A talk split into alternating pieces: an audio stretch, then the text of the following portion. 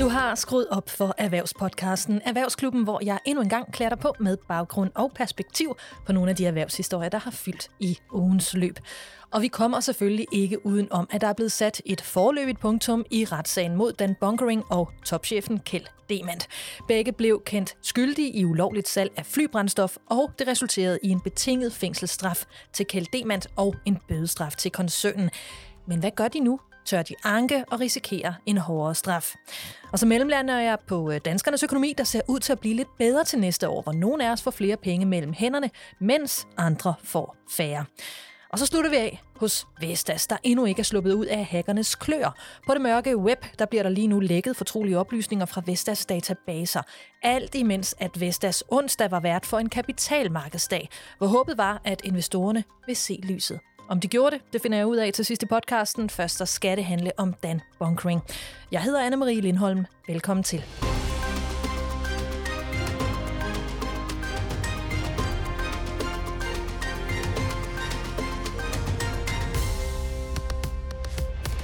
Tirsdag faldt dommen i retssagen mod Dan Bunkering, Dan Bunkering Holding og topchefen Kjeld Demand.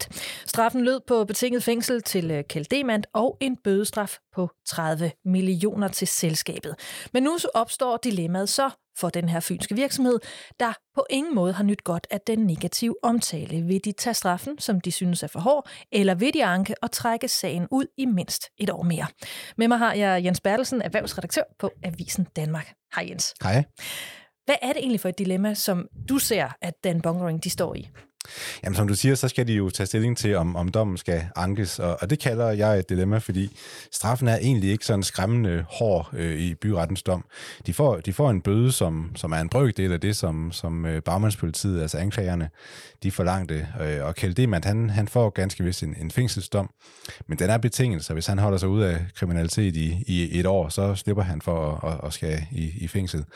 Øh, så det kunne på mange måder være fristende at tage imod sådan en dom for at komme videre og, og slippe for en ny retssag og al den omtale, som, som det fører med sig. Men altså, hvis de modtager dommen, så har de jo så på en måde også accepteret at have forbrudt sig imod øh, de her EU-sanktioner. Og så vil det bare for altid være dem, der forsynede russerne med, med brændstof, så de kunne angribe den, den syriske civilbefolkning fra, fra luften. Mm. Og dermed så har den Bunkering jo sådan set være med til at, at sikre, at Bashar al-Assad, han, øh, han stadig den dag i dag er, er diktator i, i Syrien.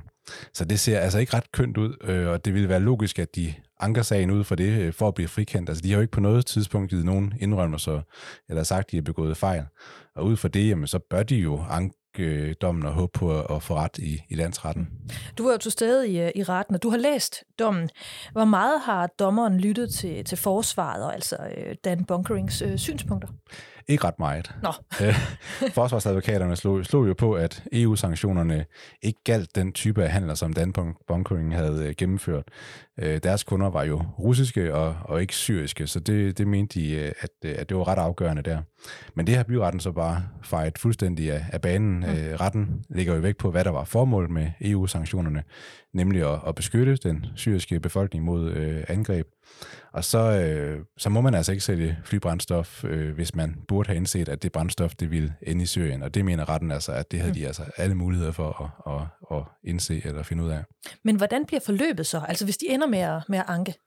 Jamen så har vi jo et meget langt forløb foran os. Altså sagen skal så berammes ved Østerlandsret. Øh, dommer og anklager og forsvar skal, skal finde en længere periode, hvor de har godt med huller i kalenderen. Men oven i det kommer så den detalje, at, at landsretten bliver nok nødt til at, at sende sagen videre til EU-domstolen for at, at, ligesom at få vurderet rækkevidden af de her EU-sanktioner. Fordi det er jo sagens kerne. Og det forsøgte forsvarerne også at få igennem i, i byretten. Men her mente dommeren godt, at han kunne gennemskue, hvordan EU-sanktionerne skulle, skulle fortolkes.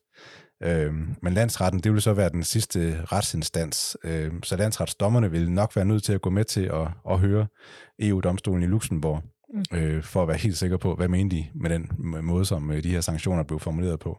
Og ja, så vil jeg da tro, det trækker endnu mere ud. Godt.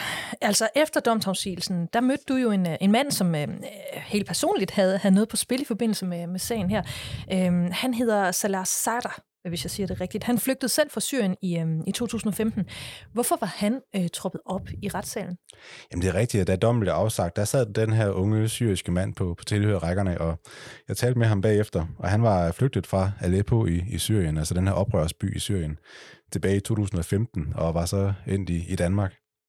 Og han fortalte, at han både har mistet familiemedlemmer og, og venner i luftangreb i, i Syrien, så han kunne ikke befri sig fra den tanke, at, at det var flybrændstof fra, fra Middelfart, der og var blevet brugt i, i flyene til de angreb. Og det sætter jo lidt perspektiv på, på sådan en sag, altså, og hvor, hvor barsk den historie jo egentlig er. Altså, som erhvervsjournalister, så fortaber vi os jo nogle, gange i, hvad betyder det her for, for virksomheden, men, øh, men det vigtige er jo grundlæggende, at øh, vi står med en stor dansk virksomhed, der med åbne øjne har, har solgt det brændstof, der gør det muligt at, at sende øh, tusindvis af bomber ned over, over Syrien. Så det bliver man jo mindet om, når man møder en, en mand som øh, Salah Sada. Og hvad, hvad tænkte han om dommen? Jamen, han var okay med dommen. Øh, mest af alt tilfreds med, at der blev øh, fældet en, en dom, fordi han fandt det fuldstændig uhyrligt, at det var en dansk virksomhed, der var indblandet i, i sådan noget her. Når vi så ser lidt øh, overordnet på sagen her, kan anklagerne så, altså nu har vi talt om forsvaret, Dan Bunkering, men kan anklagerne være tilfredse med dommen, som jo var i den øh, ret så milde ende, i hvert fald i forhold til, hvad de havde argumenteret for? Jamen, jeg tror, de er meget tilfredse hos Barmandspolitiet. Altså dommen fra byretten, den har vist, at det var rigtigt at, at rejse sagen, at det er en meget kompliceret sag, den har været meget længe undervejs og kostet øh, mange ressourcer. Øh, det er bare svært at efterforske noget international oliehandel. Øh, og så tror jeg ikke, de er så optaget af, af, af straffen eller af bødestørrelsen. Det vigtige har været for afdækket, at det faktisk var ulovligt at sælge det her øh, flybrændstof. Fordi de synes jo, det ville jo være helt absurd, hvis EU vedtager sanktioner, og de så bare kan omgås ved, at man øh, sælger til en, en tredje mand, som tilfældigvis øh, bor i et andet land og ikke er omfattet af, af sanktioner. Så det afgørende, øh, det som EU's øh, stats- og regeringschefer kiggede efter i sin tid, da de så, hvor frygteligt det var, det der foregik i Syrien, det var jo at, at få stoppet, at, øh, at der kom forsyninger til, til Assad-styret, og, og så også hans venner i, i Rusland, der, der skulle have brændstof til, til deres fly. Og der har de fået klart tilsavn fra retten i Odense om, at, at de sanktioner, de galt altså også den måde, som Dan Bunkering de, øh, de handlede på. Men hvor placerer det her dommen, altså i forhold til hårdheden, hvis vi kigger på nogle af de andre større retssager, der har været mod, mod virksomheder, altså øhm, bare de seneste årtier? Jamen, altså, det er jo usædvanligt med en fængselsstraf til en, en topchef, øh, også selvom den er gjort betinget på grund af hans gode personlige forhold, og, og han får også et rabat, fordi sagen har været så lang tid øh, undervejs. Øh, og så dømmes han jo for uaksomhed, altså han, han skulle have reageret og stoppet øh, handlerne. Øh, retten indrømmer, at han nok ikke præcis kan til, hvad der skete med alt det brændstof, som, som de pludselig var i stand til at sælge til de her russiske kunder nede i, i Middelhavet. Øh, bøden på 34 millioner kroner, den er, den er stor, men altså, det er ikke uhørt, at, at man har bøder i, i, i det leje der. Altså bare for to år siden, der blev Falk øh, straffet med en bøde på, på 30 millioner kroner oven på Bios-sagen. Altså, det var dengang, de, de misbrugte deres dominerende stilling, som det hedder, øh, øh, og ligesom fik jaget den her hollandske konkurrent øh, Bios ud af det danske ambulancemarked med nogle ret ufine metoder. Ja, det er en sag, de fleste kan huske. Jens Bertelsen, erhvervsredaktør på Avisen Danmark. Det er jo ikke sikkert, at det sidste gang, øh, du står herinde og taler om sagen, det må, det må tiden jo vise. Vi har ingen idé om, øh, hvornår at, øh, at de melder tilbage, altså den bunkering, om de vil anke sagen eller ej, vel? Overhovedet ikke, nej. Nej, vi venter i spænding. Tak skal du have. Tak fordi du var med i Erhvervsklubben igen. Selv tak. Du kan få meget mere erhvervsstof fra erhvervsredaktør Jens Bertelsen og alle de andre journalister på Avisen Danmark ved at klikke dig ind på avisendanmark.dk. Selvom det er blevet markant dyrere at være dansker, og priserne på alt fra el til fødevare stiger, så kan danskerne fra næste år se frem til at få flere penge at gøre med. Sådan lød det i hvert fald fra Sydbank i denne her uge, der har set lidt nærmere på, hvordan pengene de fordeler sig til næste år. Med mig har jeg Mathias Stollerup Sprøl, der er makroøkonom i Sydbank. Hej Mathias. Hej. Hvis vi nu siger, at vores udgangspunkt det er en øh, typisk dansk familie, hvordan vil deres øh, økonomiske øh, råderum så udvikle sig til næste år? Ja, du er jo lidt inde på det i din opsagt, at øh, det har ikke været så sjovt at kigge øh, ned i, i tegnebogen i år. Øh, rigtig mange danskere har oplevet, at deres rådighedsbeløb er, er svundet gevaldigt ind på grund af, af kraftigt stigende energipriser øh, i særlig grad. Øhm, kigger vi frem øh, til næste år, så, øh, så tror vi, det bliver, det bliver sjovere at være, at være dansker. Øhm, der kommer til at være nogle, nogle ret store lønstigninger, øh, tror vi. Og, øhm, og det tror vi på bundlinjen vil give et, øh, en fremgang i rådighedsbeløb på, på omkring 2.000 øh, kroner. Og det er ligesom øh, de penge, du har til overs, når du har betalt din, øh, din husleje eller dit, øh, dit boliglån, øh, dine biludgifter og, og dine diverse øh, udgifter til, til børn og, og, og så videre, forsikringer. Men er det alene lønstigningerne, der trækker op? Fordi som du siger, og som jeg sagde, altså de her massive prisstigninger, dem har vi jo talt øh, ret meget om, fordi de er, de er meget markante. Så er det alene de her lønstigninger, der gør, at vi bliver trukket i den anden retning? Det er den langt øh, overvejende grund til, at øh, vi tror på, at rådighedsbeløbet kommer til at, at stige så øh, ganske betydeligt. Øh, det er simpelthen et rødglødende arbejdsmarked, vi har lige nu. Øh, vi kunne faktisk invitere samtlige arbejdsløse danskere til fodboldfest på Camp Nou i, i, i Barcelona. Og det betyder, at der er så få ledige hænder og, og, og for virksomheder at, at trække på derude. Og øhm, derfor har det formentlig nærmest aldrig været mere oplagt, end at, at gå ind til chefen og bede ham at, at få noget mere i løn. Øhm, der er simpelthen gode muligheder for at finde dig et andet job, hvis, øh, hvis, du, hvis du ønsker det. Og der er også rigtig gode muligheder for de, for de arbejdsløse til at finde et job. Øhm, der er rigtig mange ledige stillinger derude. Og, øhm, og det gør, at vi tror, at der kommer nogle øh, lønstigninger, som ligger markant over det, som vi, øh, vi oplever normalt. Øh, og vores bud er, at de kommer til at ligge på, på omkring 3,5 procent til næste år.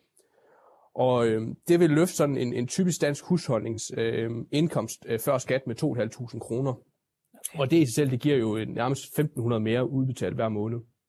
Jamen ved du hvad, lad os lige vende tilbage til, den der, øh, til, den her, til de her lønstigninger øh, lige om lidt, fordi vi har jo talt en del om rentestigninger og inflation. Hvordan ser du begge øh, udvikle sig til næste år? Øh, til næste år? Jamen det har jo været, øh, inflationen har været øh, trukket rigtig meget op af i år af energipriser. Øh, det har været dyrt at stå ved benzinstanderen. Det har været rigtig, rigtig dyrt at øh, tænde for sin stikkontakt der, derhjemme. Øh, det tror vi egentlig, at mange af de her ting, de vil øh, forblive på et meget højt niveau til, til næste år. Men vi tror så ikke, at til gengæld det bliver, det bliver, det bliver dyrere. Øh, tværtimod, så bliver det nok lidt billigere at tanke bilen til næste år. Det bliver nok også lidt billigere at varme huset øh, op. Øh, men det er, det er ikke meget billigere, det kommer til at blive. I forhold til, til, til renterne, øh, så øh, står vi faktisk i en uge nu her, hvor, hvor der sker rigtig meget på, på, på, på den front. Øh, I går havde vi den, den amerikanske centralbank ud og, og tale, og i USA, der begynder man virkelig at gå i retning af, at, øh, at man skal til at trykke på bremsen, og, og dermed ud at hæve, øh, hæve renterne over de kommende år. Til gengæld så er vi lidt mere tøvende i forhold til det øh, her i Europa og i, i Danmark, og, og det vil vi nok også få syn for sagen øh, i dag, når den europæiske centralbank holder rentemøde. Og de vil altså ikke i samme omfang lægge op til, at pengebutikkerne og dermed renterne de skal stige i Europa. Øhm, og det betyder, at det ikke bliver ret meget dyrere at, at have et, et boliglån til, til, til næste år. Og det giver næsten sig selv, men hvad, hvad forventer I så, det får et betydning for, for boligpriserne? Ja, det betyder jo, at, øh, at boligpriserne nok vil, vil, vil stige øh, igen øh, til næste år, øh, men, men slet slet i det omfang, øh, som vi har set i, i hverken 2020 og i 2021 øh, hvor vi må sige, at der har nærmest været øh, coronakulder på, på, på boligmarkedet. Øh, det her med, at vi har været, øh, haft hjemmearbejde og har virkelig givet os tid til at tænke over, jamen, hvad, er det, hvad er det for en boligsituation, vi gerne vil have. Nogen har måske ønsket os at få noget, noget mere have osv., og, og, og det har bare givet enormt stor øh, salgstal på, på, på boligmarkedet. Og det tror vi noget, af den her coronakulder, den, den, den begynder ligesom at æbe ud. Det kan vi allerede se i, i salgs, salgstallene. De er mere normale nu, øh, her de sidste par måneder. Øhm, og derfor skal vi ikke forvente de her tosifrede øh, boligprisstigninger, som vi har set de sidste par år. Øhm, vi snakker måske snarere 2-3 procent, og øhm, det vil løfte sådan et almindeligt øh, hus med, med cirka 50.000 kroner. Så hvis vi lægger alt det her sammen, så tyder det altså på, at det er gode nyheder for sådan en gennemsnitlig øh, børnefamilie. Men jeg vil bare sige, altså hvis jeg gik hen og spurgte min chef øh, i dag og, og forlangte en lønstigning, så tror jeg, at han ville grine øh, ret højt. Og sådan er det vel også for andre. Så hvem ser ud til at falde uden for den her udvikling, og altså ikke få flere penge mellem hænderne? Ja, hvis, hvis, hvis man skal tage dem, på, dem der er på, på, på arbejdsmarkedet, øh, som, som, som, som du refererer til, jamen så er det klart, at det er ikke alle, der, der, der vil få 3,5 procent øh, stigning i, i lønnen. Øhm, mange vil få måske en, en overenskomstmæssig øh, stigning på, på omkring 2 øh, procent til næste år. Og så er det selvfølgelig spørgsmålet, hvor meget mere kan man hive hjem i, øh, i de steder lønforhandlinger. Øhm, dem, der nok kommer til at ligge væsentligt over øh, gennemsnittet, øh, jamen, det er de brancher, hvor det er allermest tryk på, på, på kedlerne. Det er inden for byggeriet. Øh, det er ingeniører, der i rigtig høj grad er mangel på. Og så er det generelt øh, højt uddannet arbejdskraft. Det er der, hvor der, øh, hvor der også er stor mangel på, på, på arbejdskraft. Så det er nok dem, jeg vil pege ud, der kommer til at, at, at have det sjovest med hensyn til lønstigninger næste år. Øhm, dem, der så måske faktisk kommer til at opleve en mærkbar udhuling af deres købekraft, det er så dem på offentlig øh, øh, forsørgelse af en eller anden art. Altså det kunne være pensionister eller dagpengemodtagere. Øhm, deres øh, øh, offentlige ydelse, de bliver reguleret på baggrund af den lønudvikling, vi havde i, i 2020. Og den var altså noget lavere normalt på grund af corona. Øh, så de kommer faktisk ikke op til at opleve øh, nogen nævneværdig stigning i deres, øh, deres offentlige ydelser til, til, til næste år. De må vente derimod til, til 2023, hvor, hvor, hvor det ligesom er lønudviklingen fra 2021, der kommer til at, at bære deres offentlige ydelser op.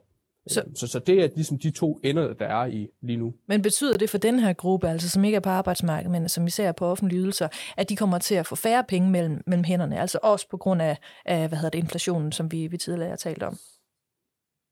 Ja, det vil være mit, øh, mit, mit klare bud, at de vil opleve, at deres købekraft bliver, bliver udhulet. Øhm, fordi inflationen kommer til at ligge på omkring 2-3% til næste år, og de kun får omkring en halv procent øh, stigning i offentlige ydelser. Men altså i forhold til det her med, med lønstigninger, der sådan en generelle stigning øh, på, på, på, på det, i hvert fald for dem, der er på arbejdsmarkedet. Altså det lyder jo sådan set, øh, det lyder sådan set meget godt, men der må vel også være nogle konsekvenser ved denne her øh, udvikling. Altså nu tænker jeg især øh, på arbejdsmarkedet, erhvervslivet helt generelt. Hvem, hvem taber på det her? Jamen det er klart, det bliver jo øh, det bliver dyrere for, for, for, for virksomhederne at, at, at skulle ud og give øh, nogle, nogle lønstigninger, og, og dem er der jo måske kun en, der kan betale den regning, og det er jo også forbruger. Øhm, så det er også noget, der betyder, at vi skal også forvente øh, højere inflation øh, end normalt. Altså hvor vi op til coronakrisen oplevede cirka 1% årlig inflation, jamen så taler vi øh, 2,5-3% måske til næste år på fødevarer og, og, og så videre. Og så puster det her med, med, med, med højere lønstigninger end normalt jo også til den her frygt for, for, for, for en overophedning af dansk økonomi, Øh, vi vil nok se, at vores konkurrenceevne vil fortsætte med at blive udhulet en smule, øh, særligt vores lønkonkurrenceevne. Øh, det er en tendens, vi har set over de sidste øh, par år, at, at den er gradvist blevet dårligere over for, for, for udlandet. Men, men heldigvis, så skal man sige, så kan det retfærdiggøres ved, at vi også oplever ret pæne produktivitetsfremgang i dansk økonomi. Øh, så, så, så det kan godt være, at vi har nogle høje lønninger, men, men vi har også nogle, nogle rigtig, rigtig produktive øh, virksomheder ude i, i dansk øh, erhvervsliv. Og så vil det også være mit bud, at, at det her med mangel på arbejdskraft, jamen jo, dels på en helt kort bane, så skal det nok løses ved, at vi importerer mere arbejdskraft fra, fra udlandet. Men sådan mere strukturelt, jamen så er det jo øh, kun én ting, der kan give sig, og det er jo formentlig lønningerne. Øh, det er dem, der ligesom skal på en lang bane løse, at vi får den, den nødvendige arbejdskraft øh, til, til at holde hjulene kørende. Og så vil jeg også sige, at hvis man sådan ser på for et helt stort helikopterperspektiv, så vil jeg faktisk mene, at den største ubalance, vi har i dansk økonomi, det er ikke, at vi har en øh, øh, øh, for små opsparinger, men det er tværtimod, at vi har alt, alt for store øh, opsparinger. Øh, så i virkeligheden så burde vi måske faktisk have en, en champagnekur øh, oven på corona, i stedet for en, øh, en, øh, en, en hestekur. Uh, en champagnekur, den lyder rar. Men er den det? Altså, er den rigtig rar? Det betyder, at vi, vi helst gerne skulle drikke lidt mere luksus. Altså, at vi skal nyde det gode liv og, og bruge nogle flere penge. Altså, vi har ekstremt stor opsparing i Danmark. Øh, dels fordi vi har jo vores øh, vores øh, pension igennem, når vi får løn hver måned, ikke? så får vi en typisk indbetalt til vores pension. Men derudover så sparer vi jo rigtig mange penge op i vores bolig, vi sparer også rigtig mange penge op i, i, i frie midler.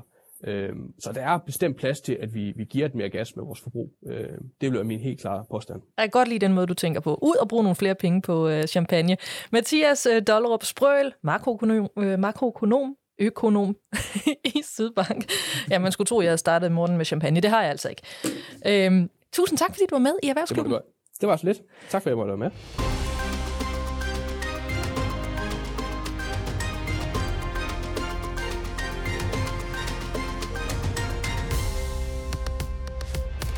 Onsdag sidste uge meddelte Vestas, at hackere havde lagt øh, stjålne Vestas-oplysninger ud på The Dark Web.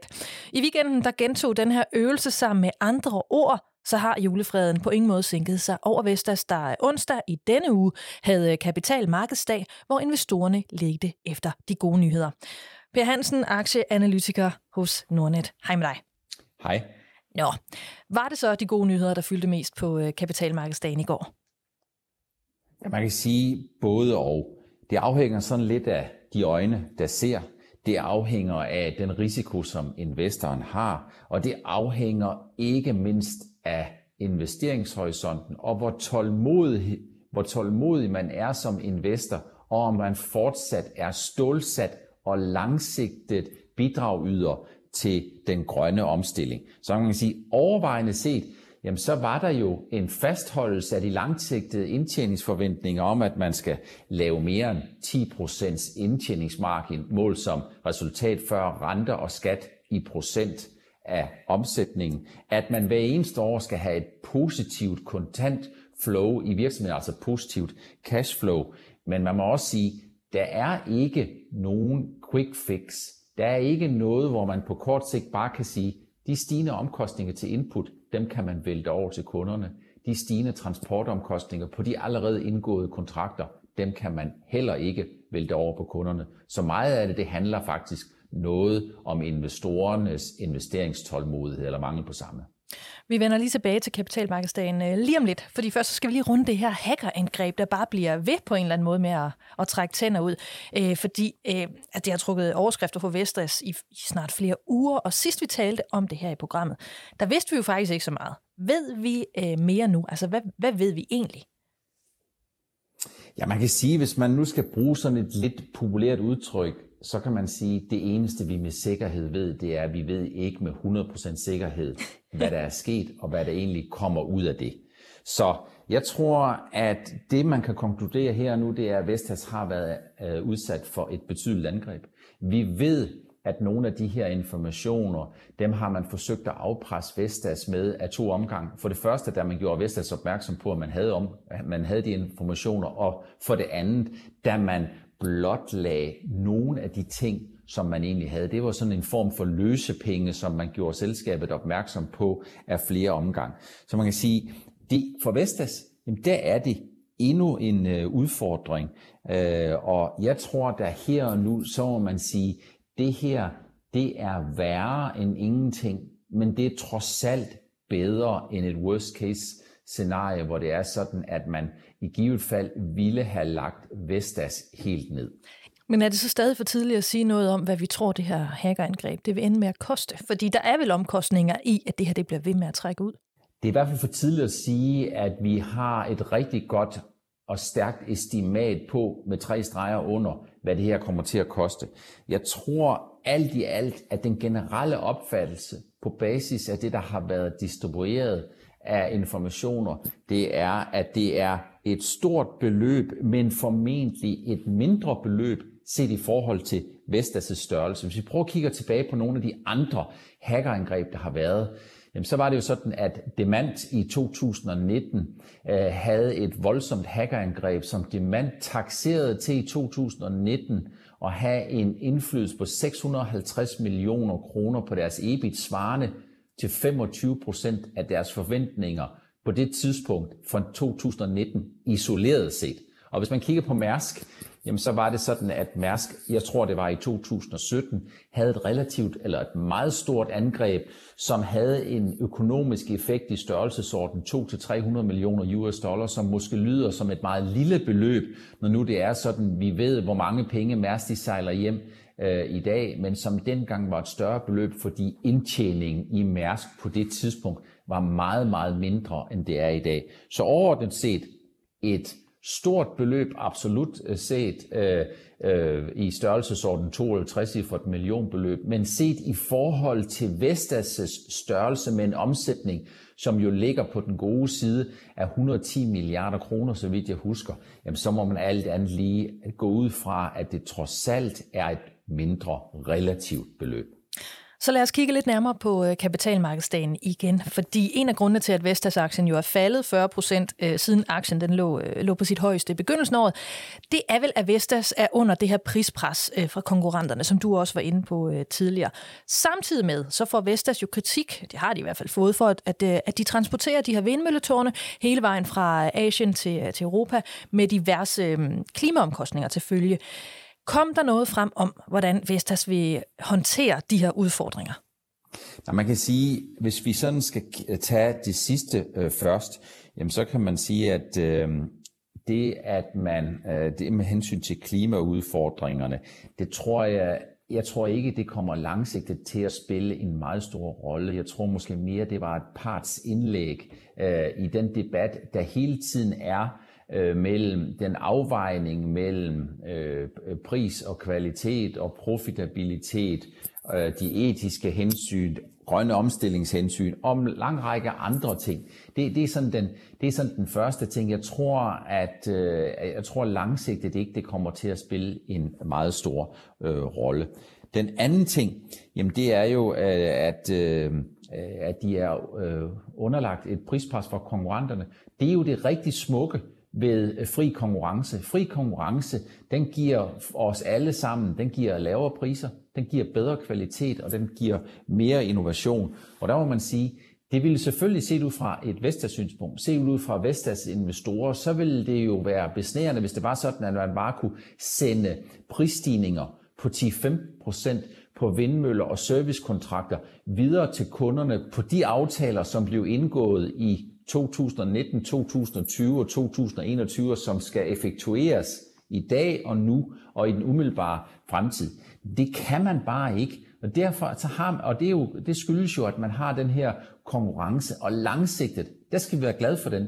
Og Vestas skal faktisk også være glade for den på lidt længere sigt, fordi det er jo det, der holder dem til ilden. Det er jo det, der gør, at de er konkurrencedygtige. Og så er det også vigtigt at lige holde sig for øje, at når man kigger på Vestas' udfordringer og sammenligner med GE Renewable eller Siemens Gamesa eller Tyske Nordics, jamen så er det altså sådan, at Vestas stadigvæk øh, ligger faktisk sådan lidt i sin egen liga med hensyn til trods alt at skabe overskud midt i en presset tid. Så alt er altså ikke gråt i gråt, som man kunne få indtrykket af, når man bare kigger på, at aktiekursen den ligger 40% lavere, end dengang den var højest i starten af 2021.